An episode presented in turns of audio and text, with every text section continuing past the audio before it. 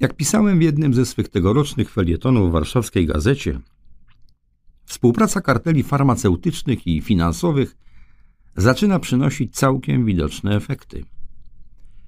Przewidywałem to m.in. w książce covidowej Jerze, w której wykazałem, że to wszystko nie jest dziełem przypadku i nie zaczęło się wczoraj. Amerykanie ze swoją naiwną wiarą w demokratyczne mechanizmy broniące ich praw nie wierzą w to, że ich własny rząd mógłby występować przeciw nim. W ostatnich kilku miesiącach drastycznie wzrosła ilość przypadków niebezpiecznych w lotnictwie. Problem dostrzegają piloci, którzy coraz częściej o tym piszą. Alarmują, że tylko w tym roku załogi zgłosiły o 368% więcej zagrożeń w trakcie lotu i otwarcie wskazują na ich związek z niedawnym eksperymentem medycznym, któremu zmuszeni byli się poddać, by utrzymać pracę. Jeden z nich, emerytowany kapitan Virgin Australia, mówi wprost, że dojdzie do katastrofy, a zarówno załogi samolotów, jak i podróżujący zginą niepotrzebnie. Śledzę z uwagą wszelkie informacje o incydentach lotniczych i jestem tego samego zdania. Piloci popełniają coraz więcej błędów, a przecież do mediów docierają tylko najpoważniejsze przypadki. Niestety nie są to tylko pomyłki, które zauważone przez nich samych lub kontrolę ruchu lotniczego są szczęśliwie naprawiane. Zdarzają się już niestety działania intencjonalne. Oto 44-letniemu oddanemu mężowi i troskliwemu ojcu dwojga dzieci, kapitanowi linii Alaska Airlines postawiono niedawno 83 zarzuty usiłowania popełnienia zabójstwa.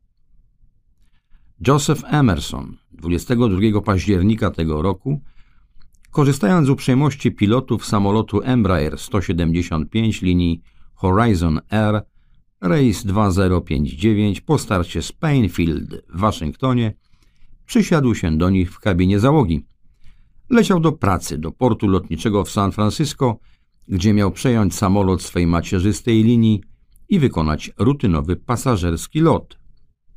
Tymczasem, gdy maszyna znajdowała się już na wysokości przelotowej, tuż po minięciu Astorii w Oregonie, Emerson niespodziewanie zerwał z głowy słuchawki, rzucił się z tylnego, zajmowanego przez siebie siedzenia do przełączników z przodu kokpitu i próbował uruchomić system przeciwpożarowy, odcinający dopływ paliwa do silników, co w najgorszym przypadku mogło skutkować katastrofą.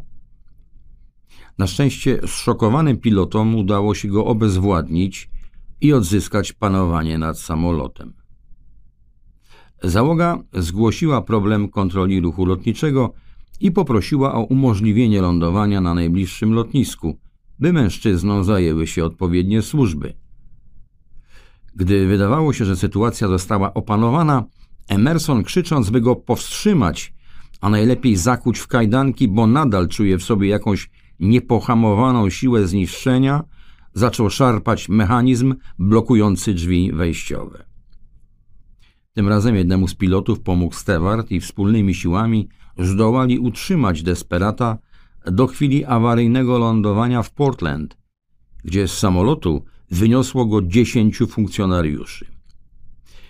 Już po doprowadzeniu na posterunek policji, gdy pił kawę, zaczął się rozbierać, po czym oddał mocz na samego siebie.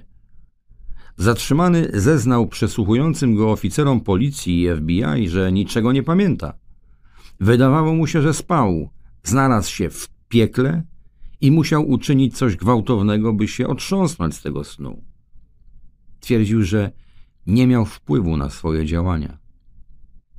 Obrona zgłosiła, że zatrzymany nie spał od 40 godzin.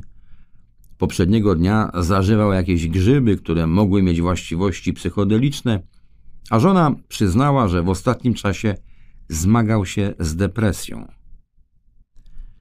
Wśród przyjaciół i sąsiadów ma opinię sympatycznego człowieka, bezgranicznie zakochanego w swojej rodzinie i lotnictwie. Pragnę zwrócić w tym miejscu uwagę na jeszcze jeden aspekt niepodnoszony przez nikogo. Otóż za bezpieczny i sprawny przepływ ruchu lotniczego poza pilotami odpowiadają kontrolerzy. Błędna decyzja lub jej brak może tu nieść o wiele poważniejsze skutki, bo najczęściej zarządzają kilkoma maszynami naraz.